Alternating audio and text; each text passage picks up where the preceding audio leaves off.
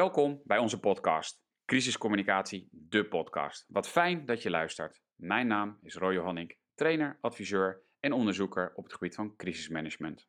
En mijn naam is Dianne Deurlo, een trainer en interimmer op het gebied van crisiscommunicatie. In onze podcast gaan we op zoek naar communicatie in gewone en buitengewone omstandigheden.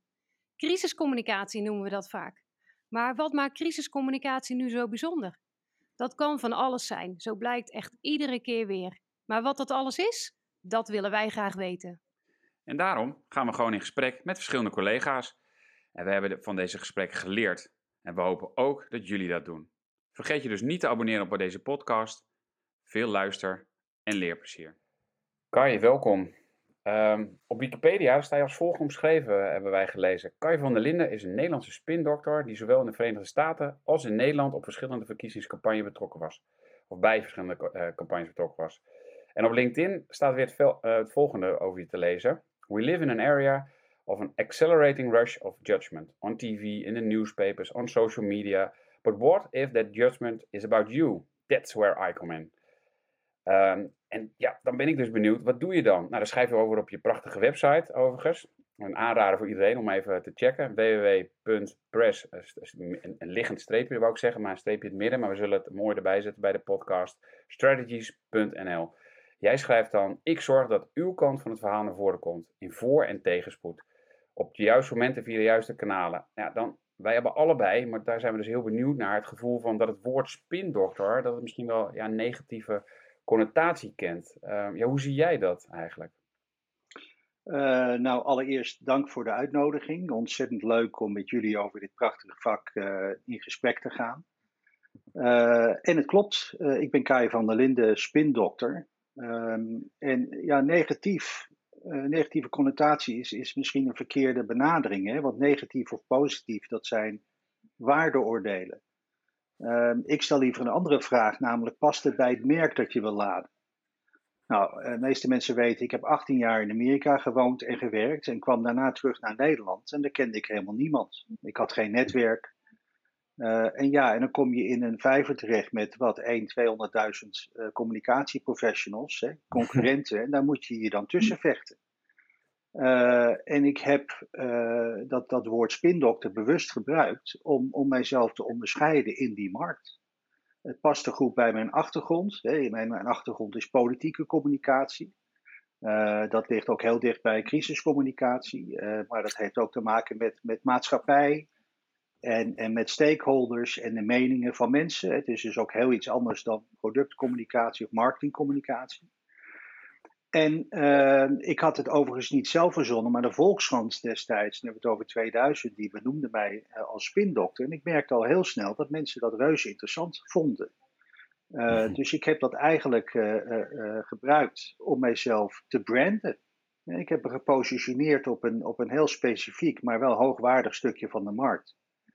Mm-hmm. en, en dat is waar, waar het spannend is, waar de pleuris uit, dreigt uit te breken. En dus in, dat zin is, uh, in die zin is negatief voor mij positief, want het heeft me geen -hmm. windeieren gelegd. Nee. Dus positief, negatief, het gaat meer om ja, wat, wat, uh, wat wil je aan het merk koppelen. Ja, ja. ja want, want wat doet dan een spindokter precies? Wat doe jij precies, Kai? Nou, ik, kijk, er zijn in, als je, ik, ik, ik, ik opereer in, in een maatschappelijke discussie. Ik adviseer klanten die daarin moeten acteren. En dan zeg ik, er zijn altijd uh, drie kanten in zo'n narrative. Het is jouw verhaal. Het is het verhaal van de journalist, die toch vaak ertussen zit en een soort tussen uh, doorgeefluik is. En het is het verhaal van je tegenstanders. Uh, en, en mijn strategie of mijn ja, expertise is zorgen dat jouw verhaal naar voren komt. Jouw kant van het verhaal. en dat moet, moet heel goed gekoppeld zijn aan de doelstellingen die je wilt bereiken. Dus ik zeg, ga nooit zomaar even wat vragen beantwoorden, maar denk van tevoren eerst na. Wat wil ik bereiken met mijn communicatie? Want ik zie het als een vak, als een wetenschap. En uh, welke boodschap moet ik gebruiken? En daar moet je ook heel veel onderzoek uh, voor doen. Uh, om, de, om de beste kans te maken om, om mijn stakeholders, mijn doelgroep, in beweging te brengen. Want communicatie moet, moet tot actie leiden bij een bepaalde doelgroep. Je wil dat mensen op je stemmen, of je wil dat ze je beleid steunen, of dat ze je product kopen, uh, dat ze de avondklok respecteren, noem het allemaal maar op. Uh, dus daar moet je boodschap op afgestemd zijn. Nou, de meeste luisteraars, uh, ik neem aan dat het uh, veel communicatieprofessionals zijn, die kennen de beroemde drie-eenheid kennis, houding, gedrag. eerst moeten hm. mensen ja. weten waar het over gaat. Dan moeten ze een, daar positief tegenover staan. En, en, en last but not least, moeten ze uh, het gewenste gedrag vertonen. En wat dat betreft is mijn politieke achtergrond natuurlijk uh, heel leerzaam geweest, omdat bij een politieke campagne komt het uiteindelijk er gewoon op aan dat mensen op jou stemmen.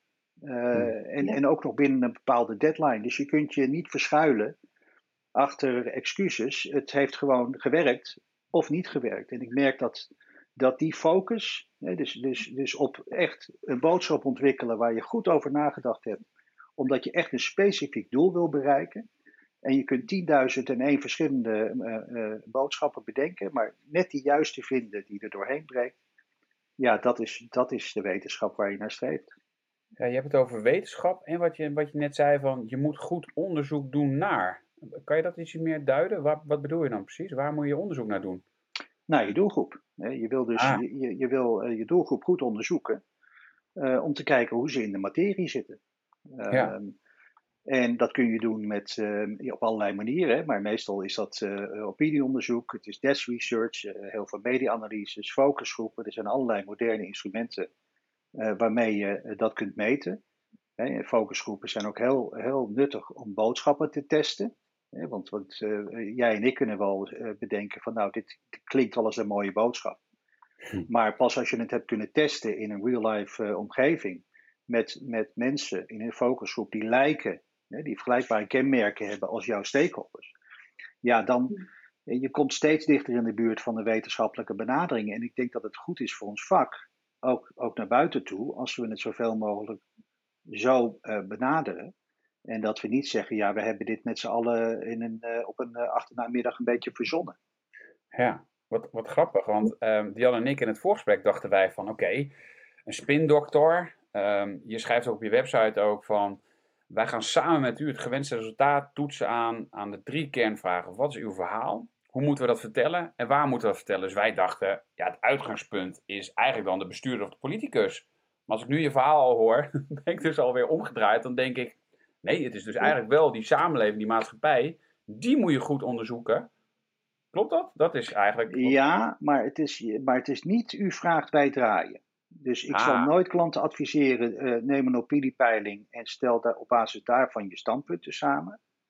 Uh, ik adviseer klanten, eh, neem jouw plannen, jouw visie of, of jouw bedrijfsstrategie. Hè, want in feite zijn communicatiestrategen, ja, ik zeg altijd een soort vertalers. Neem een bedrijf, dan is eigenlijk onze taak om die corporate strategie, die vaak in een PowerPoint in, in, eh, on, eh, onbegrijpelijke taal is samengesteld. Om daar een verhaal van 30 seconden van te maken. Dat, dat, wat is nou de essentie van je bedrijf? Ehm, dat zie ik als mijn taak. Om dat dan te onderzoeken. Ook de tegenstand in kaart te brengen. En dan manieren te vinden om de discussie daarover aan te gaan. En je kunt ook tegen elkaar zeggen: ja, dit, weet je, op deze manier is het niet te verkopen. Uh, maar er zijn altijd wel aanhaakmomenten. Want uh, weet je, framing is ook een belangrijk uh, instrument in het arsenaal van de spindokter. Uh, om, om even heel dicht bij huis te blijven, want we hebben net een verkiezing achter de rug. Als kiezers naar het stemhokje lopen en ze maken zich zorgen over het milieu, noem maar een dwarsstraat, dan is de kans significant groter dat ze GroenLinks zullen overwegen. Als ze zich zorgen maken over het onderwijs, dan is de kans significant groter dat ze D66 zullen overwegen. Als ze zich zorgen maken over immigratie, Geert Wilders, enzovoort.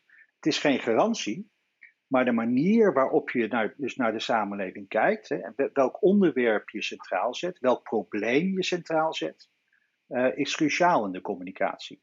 ik zeg ook, uh, wat dat betreft hebben we ook veel geleerd uit de marketing. Daar wordt altijd gezegd, sell the problem, not the solution. Wij zijn in Nederland heel goed om over de oplossing te communiceren, een beetje belerend.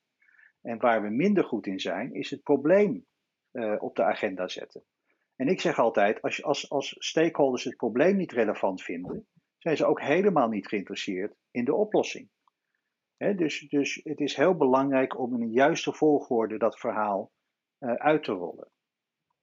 Is dat ook je relatie? Want je zei op een gegeven moment, politieke uh, communicatie en crisiscommunicatie zit dichter bij elkaar dan productcommunicatie uh, en, en marketingcommunicatie. Is, is dat dan ook de, de reden voor jou?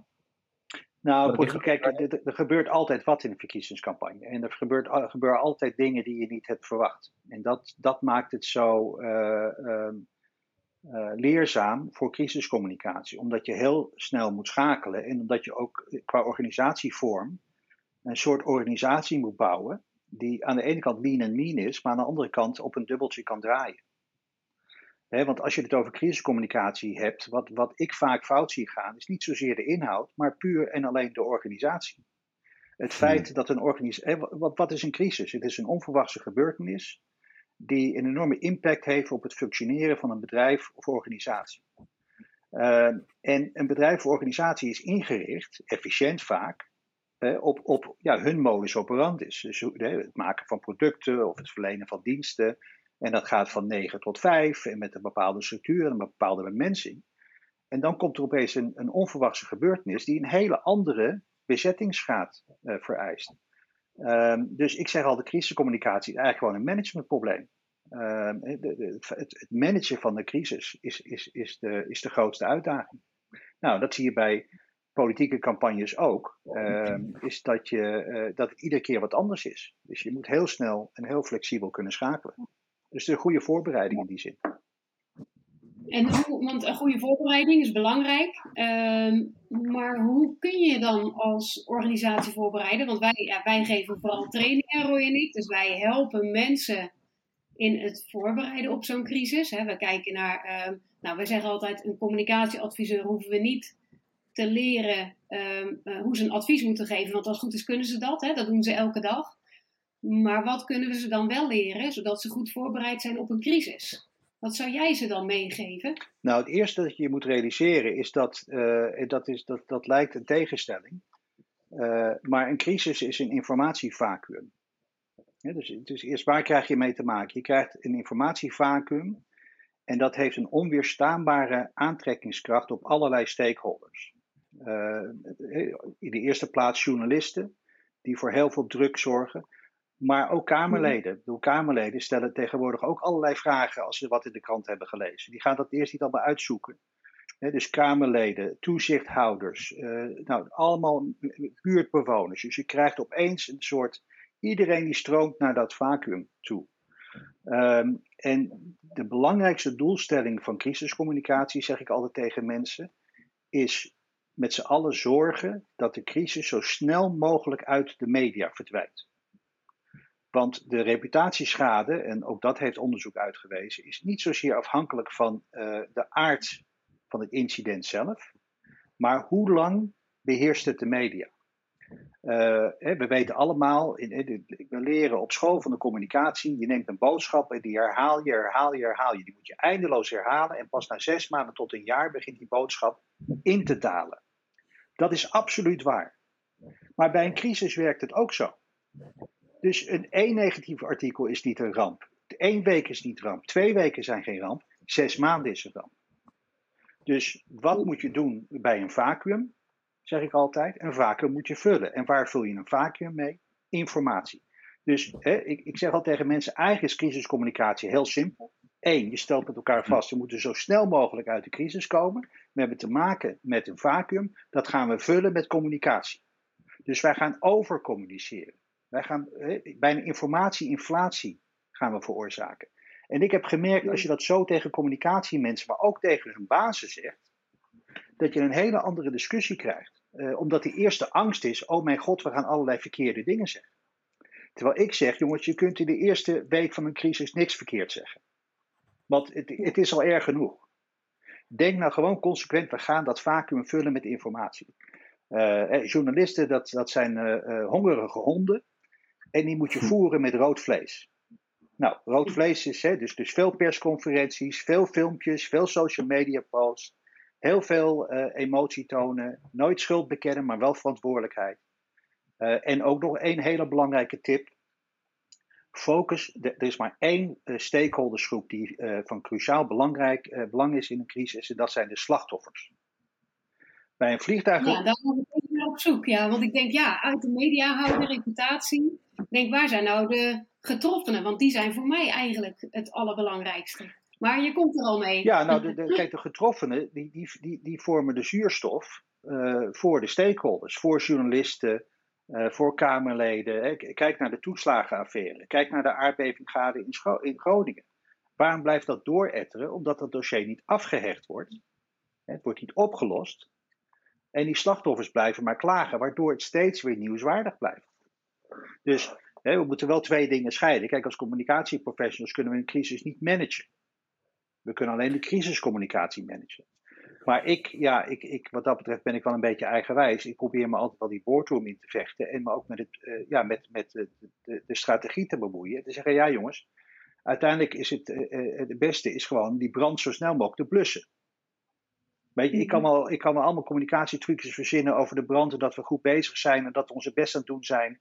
Maar uiteindelijk is het bussen van de brand, en daar ga ik als communicatiepersoon niet over, is natuurlijk het beste devies. Dus, dus tip, weet je, zorg wel dat je die zaak kunt managen. En ondertussen zorg ik wel dat ik die persmuskieten een beetje uh, van je weghoud. Ja. ja, dat is denk ik ook iets wat wij wel vaak zeggen, wat we soms ook merken in de praktijk, dat... Uh, uh, kijk, communicatie is geen toverstokje. Wij kunnen niet, uh, ik zeg vaak, rechtbreien wat krom is. Nee. Als, het, als het krom is, dan krijg ik dat niet recht. Dus ja, dan, dan moeten we ook de mogelijkheden en de onmogelijkheden, denk ik, zien van communicatie. Uh, en dat is wat, jij, wat ik jou ook hoor zeggen. Um, ik heb nog wel een vraag aan jou, Kai. Want wat ik um, op jouw website ook zag is... Um, jij hebt geschreven perceptie is realiteit en manage op basis van perceptie. En dat is iets wat ik ook vaak zeg hè, in uh, crisiscommunicatie. Perceptie bepaalt de crisis. Ja, het gaat daar nu ook denk ik al de hele tijd over, over die perceptie.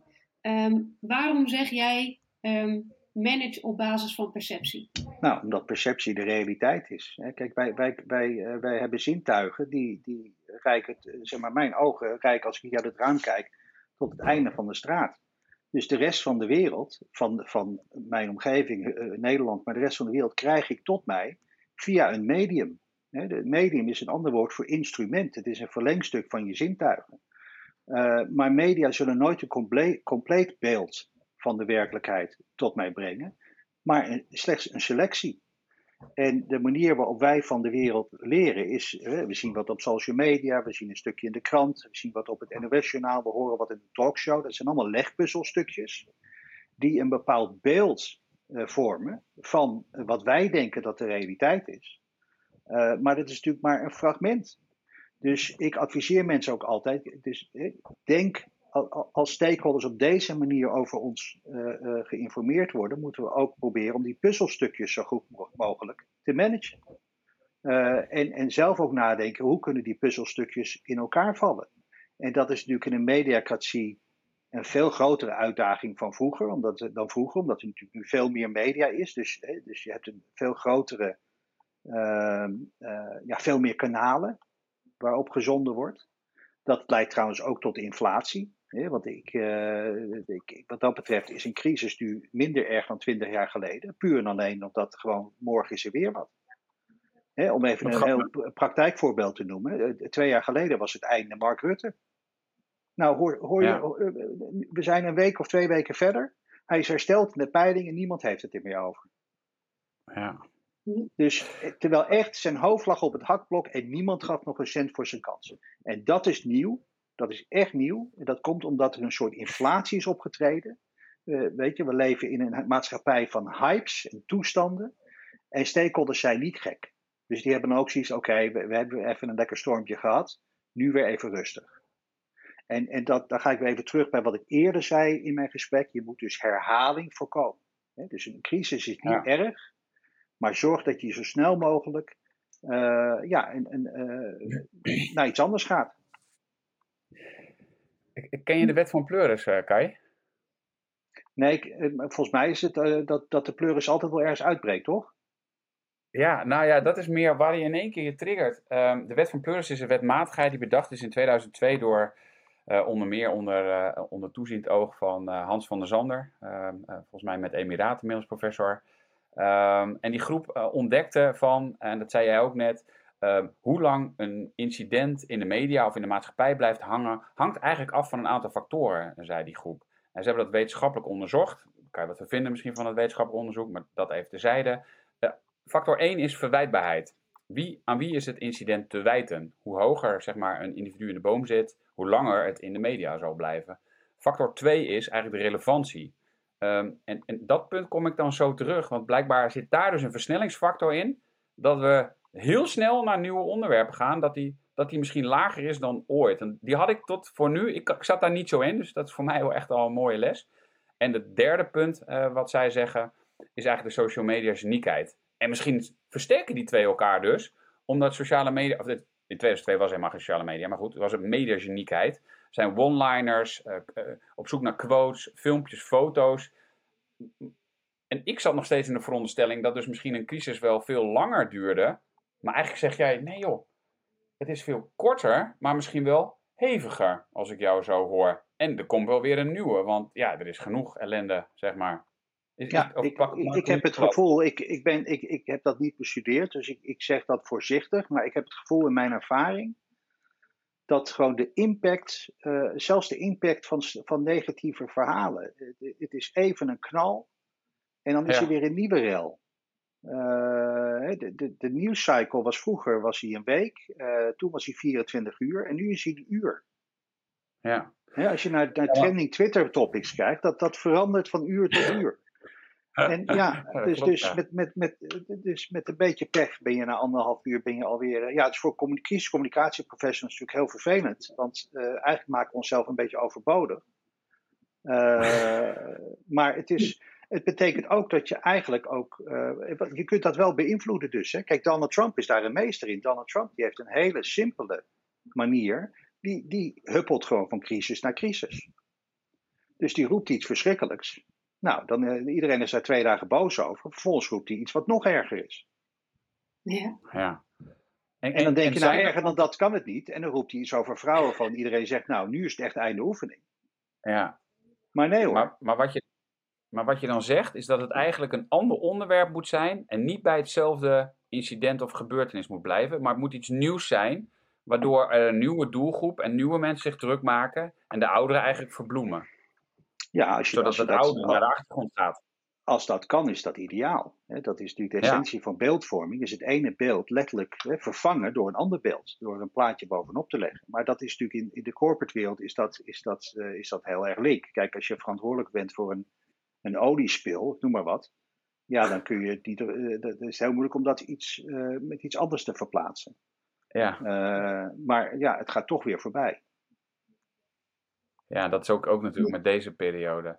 Nou, en ik, het wel, die, die, die relevantie, ik denk dat ik het wel ook toch wel met je eens ben inderdaad, dat het zo hard en zoveel is. Uh, want ik zat eigenlijk in de veronderstelling van ja, een crisis duurt gewoon langer en de impact is misschien veel groter, want we hebben meer media, meer beelden, uh, het is gewoon heftiger. Maar eigenlijk ja, gaat maar het ook wel.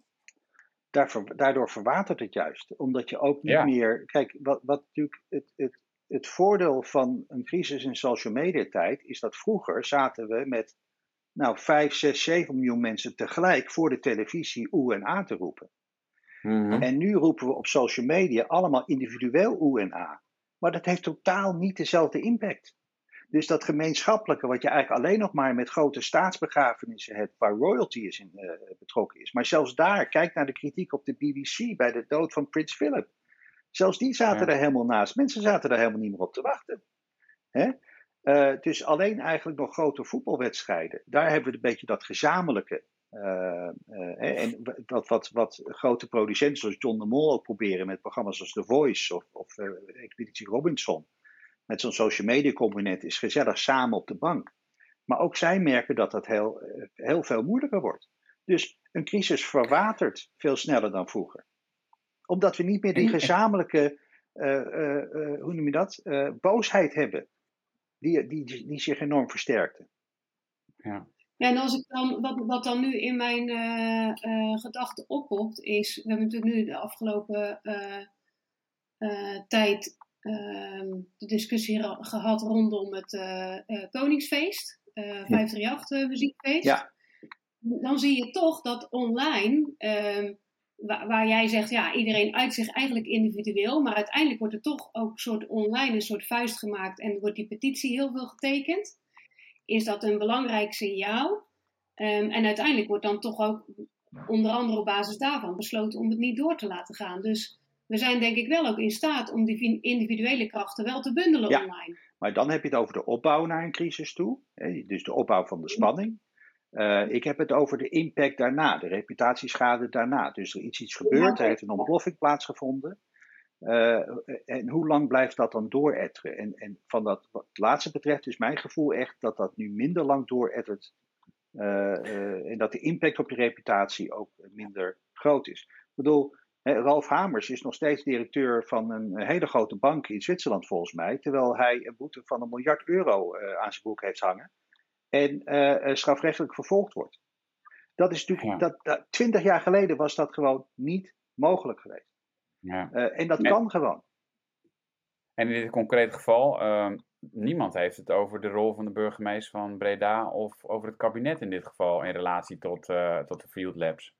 Ik, ik heb vandaag althans niemand meer horen zeggen. Nee, dus volgens mij zat, zat De Plaag gisteren wel bij, bij een van de talkshows om daarover te hebben. Maar ja, weet je, het is uh, gecanceld. Uh, en dan is het ook vrij snel weg. En dan gaan we weer over tot de orde van de dag.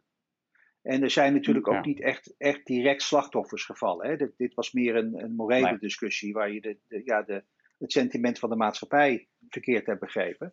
Of het misschien verkeerd mm. hebt uitgelegd. Want dat vind ik ook wel interessant aan deze casus. Kijk, Field Labs, dat was een nadrukkelijk verzoek van de Nederlandse politiek als handreiking aan uh, vooral de horeca en de evenementenindustrie, om manieren te vinden om, om langzaam open te gaan onder veilige omstandigheden. Um, en dan vind ik dat als, er dan, als het dan een beetje misgaat, dan moet je ook je rug recht houden. En dat, dat mist u toch een beetje in deze tijd. Mensen zijn wel heel erg bang geworden uh, om te blijven mhm. staan voor hun verhaal. En om volgens ook uit te leggen van ja jongens, wacht eens even, er kan hier wel kritiek op zijn. Maar zullen we even in herinnering brengen wat we ook weer met elkaar afgesproken hebben over deze kwestie? Um, hè, want die, die, die social media reuring, dat is allemaal leuk en aardig. Maar die hoef je niet iedere keer serieus te nemen. Want het is wel een heleboel uh, gebakken lucht hoor. Om even bij een populaire Kai van der Linden term te blijven. ja, ja, Dus, want jij zei eerder van hey, uh, uh, je moet onderzoek doen naar de doelgroep. Dus onderzoek en ook naar die perceptie. Dat is iets wat wij ook herkennen. Uh, we hebben in een crisisorganisatie uh, niet voor niks omgevingsanalisten. Hè, die omgevingsanalyse maken tijdens een crisis. Ja. Um, je maakt zo'n analyse, je doet daar onderzoek naar. En tegelijkertijd kijk je ook gewoon naar je eigen organisatie en naar je eigen doel. En ga je dan kijken hoe je je aanpak kiest en hoe je je strategie bepaalt. Ja, dat, is belang, dat is natuurlijk het allerbelangrijkste. Dat is een heel goed punt. Kijk, je begint natuurlijk met je risicoanalyse. En je kijkt naar je bedrijf en je gaat gewoon met een groep mensen zitten. Dat, dat zijn trajecten die ik ook vaak doe. Uh, van jongens, wat zijn nou de dingen die ons zouden kunnen overkomen? Maak je een heel lijstje van. Uh, en dan, uh, ik noem maar iets, uh, brand. Iets heel simpels, brand. Nou, stel je voor dat er brand bij ons uitbreekt. Nou, hoe groot is het risico dat er bij ons brand uitbreekt? Nou, dat risico is meestal vrij laag. Maar wat is de impact als er wel brand bij ons is uitgebreekt? Ligt ons bedrijf dan plat? nou, dan kan het antwoord daar ja zijn. Dus dan heb je een situatie dat de risico laag is, maar de impact hoog. En dan vervolgens stel je je vraag, hoe voorbereid zijn we op dat scenario? En dat is iets waar je echt ook mee naar de Raad van Bestuur kunt gaan. Zeggen, luister eens, we hebben een risicoanalyse gemaakt. Uh, wat ik ben altijd heel erg voor crisiscommunicatie, staat heel erg naast crisismanagement. Van voorkomen is beter dan genezen. En ik denk dat ook onze taak als communicatieprofessionals is. We hebben een, een, risicoanalyse gemaakt. Uh, dus wij zijn communicatief voorbereid. En daarover zo later meer.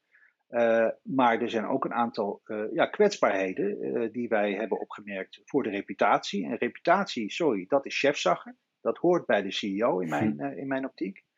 Ehm, dus wij adviseren u om op dit, dit en dit punt uw aandacht te geven. Een goed voorbeeld, wat, wat echt actueel is, cybersecurity. ik merk om me heen dat cybersecurity door de meeste bedrijven en organisaties nog niet serieus genoeg wordt genomen. Uh, en dat ik vrees dat er een hele grote nationale hack uh, nodig is, waar echt vitale infrastructuur in Nederland plat gaat. Voordat wij ons realiseren, holy cow, wij zijn hier ontzettend kwetsbaar op. We hebben dit niet goed geborgd. en we weten eigenlijk niet wat we moeten doen als we daardoor geraakt worden. nou, dat, dat, sommige organisaties zijn er wel mee bezig. Maar dat moet nadrukkelijk opgenomen worden in je risicoanalyse. maar als je, als je een, ja, een foodproducent bent, dan gaat het over recalls, dan gaat het over tekorten. Nou, noem het allemaal maar op. Nou ja, op basis daarvan maak je een, een helder crisisdraaiboek. En ook, weet je, oefenen. Veel oefenen. Gewoon twee keer per jaar en, en, ook een beetje een leuke crisisoefening.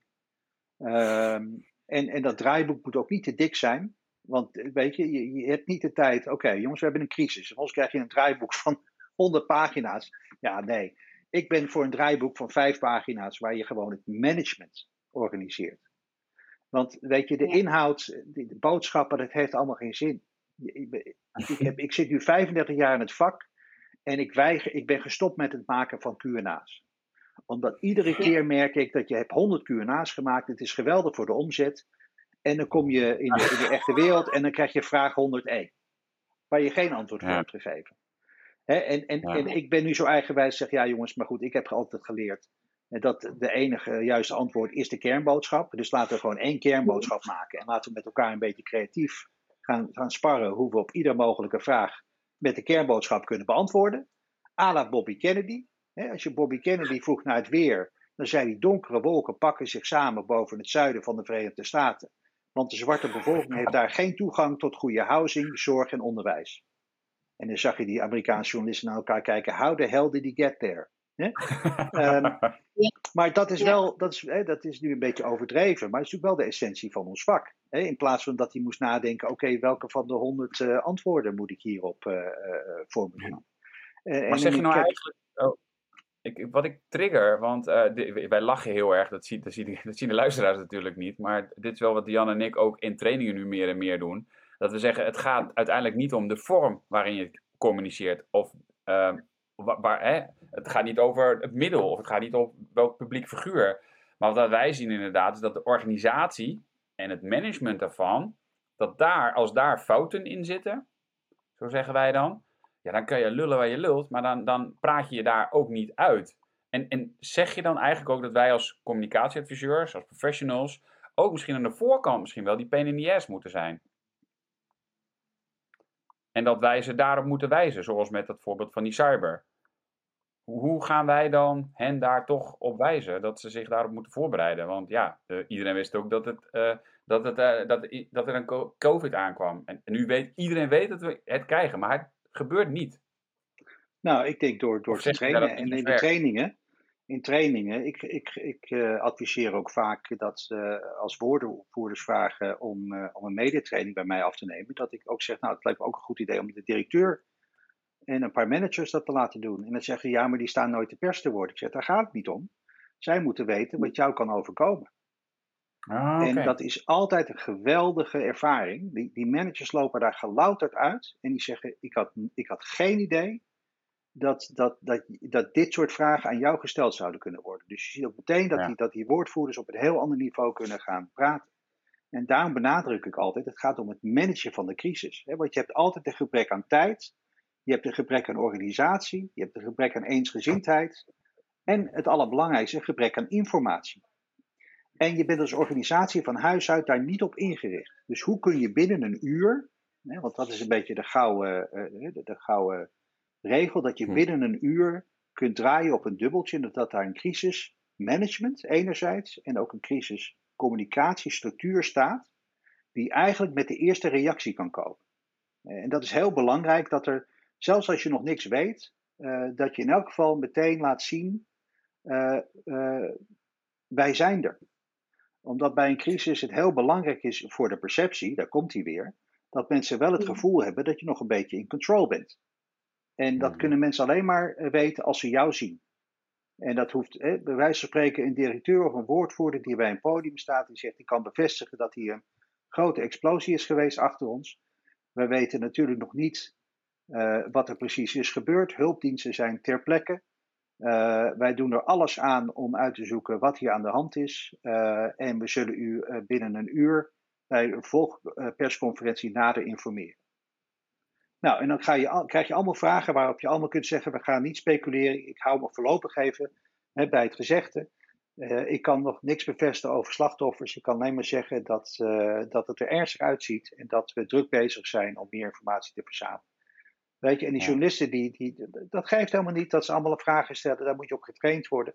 Maar de kijker thuis, die ziet een, een, een bedrijf, dat, daar is wel wat mis. Maar ze zitten wel, de kapitein staat achter het roer. En dat is een beeld. Ja.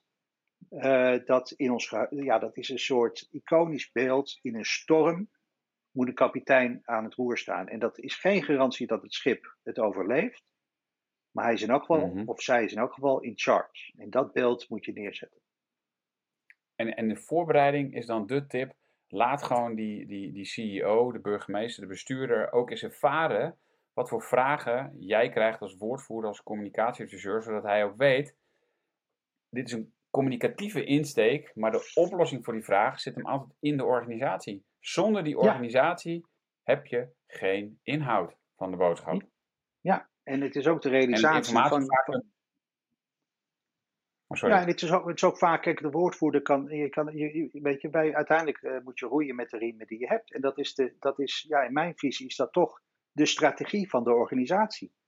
Hè? En die is in simpel Nederlands, wie zijn we?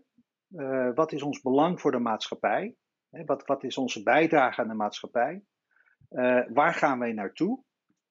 Hè? Dus wat is onze droom voor de toekomst? Uh, wat, wat, wat verwachten wij van u als stakeholder, als onze klant of uh, als omwoner, wat dan ook? Uh, en waarom willen wij dat u met ons meegaat op deze reis? Dat is nu even poëtisch geschetst, maar dat is in feite het verhaal dat je wil vertellen om mensen met je mee te nemen. Ja. En dat, dat, dat, nogmaals, dus dat is die hele dikke PowerPoint die door een organisatiebureau als McKinsey is samengesteld. Die gaat over winstmaximalisatie en uh, weet je nog heleboel dingen die ik nooit heb begrepen. En probeer daar maar eens een, een, een verhaaltje van te maken. Maar dat is altijd mogelijk. Dat is altijd mogelijk. Ja. En meestal Nou, een ik- hele leuke openingsvraag, als tip, is eh, gewoon de, naar de CEO gaan op een vrijdagmiddag als hij geen afspraken meer heeft. En zegt, Fred, luister, ga eens even zitten, neem een whisky. En vertel mij nou eens, waarom, nee serieus, moet je echt proberen. Waarom kom je hier iedere dag fluiten naar je werk? En dan kunnen er twee dingen gebeuren. Hij zegt, nou ik kom helemaal niet fluiten naar mijn werk. Nou, dan kun je mij wel adviseren. nou Fred, dan wordt het tijd dat je een andere baan zoekt. Eh, maar als je achterover leunt en gaat zeggen, nou ik zal je eens vertellen Kai. Eh, Weet je, het is zo leuk wat we doen hier. En opeens begint hij te praten als een enthousiaste supporter in plaats van een directeur. Nou, en dan moet je een opnameapparaatje bij je hebben, of, of iets dergelijks. En hem gewoon leeg laten lopen. En dan heb je de menselijke kant van de bestuurder. En in feite het, het, het begin van een, het ruwe materiaal voor de vertaling van de strategie.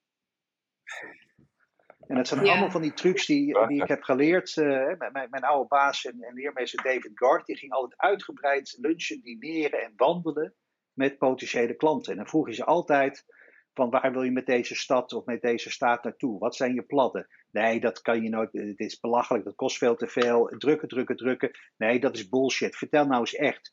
En de mooiste vraag die hij ook altijd stelde is: luister eens, weet je, je weet toch, politicus zijn is een hondenbaan. Bedoel, wat is er in jouw jeugd gebeurd?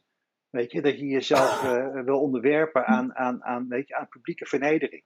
En iedere keer als je wat goeds doet, dan krijg je een klein applausje. Maar als je wat verkeerds doet, pek en veren de stad uit. Dus wat, wat, wat weet je? Nou, en, en David noemde dat altijd die intri- in, de, de intrinsic motivation. Dus de echte motivatie eh, die, die in mensen zit, het vuurtje dat in mensen brandt en ervoor zorgt dat ze doen wat ze doen. En als je dat kunt identificeren, dan wordt het een soort knop die je echt, nou ja, ik het niet, eh, het klinkt een beetje plat, maar zo werkt het wel een beetje, die je gewoon kunt activeren, waardoor er een soort natuurlijke authenticiteit uit mensen komt. Eh, waar, ja, en daar, daar kan geen statement tegenop. En dat is ook echt het voordeel van werken in de politiek met politici. Hè, dus dus eh, ik, ik vind ook eh, wo- woordvoerders die in de politiek hebben gewerkt, hebben mij al een streepje voor, omdat die dat ook een beetje ervaren hebben. Ehm, en daar kan geen productmarketing tegenop. Ik vind het wel Nou, een, ik eh, qua afsluiting, Dian. Ik zit ook te denken, want we hebben beloofd ook dat we een bepaalde manier van afsluiting hebben. Maar het grappige is dat ik aan het begin dacht: oké, we gaan een verhaal hebben over reputatie, spinnen, framen. Maar dat in die end het eigenlijk gewoon over de menselijke kant gaat van de bestuurder.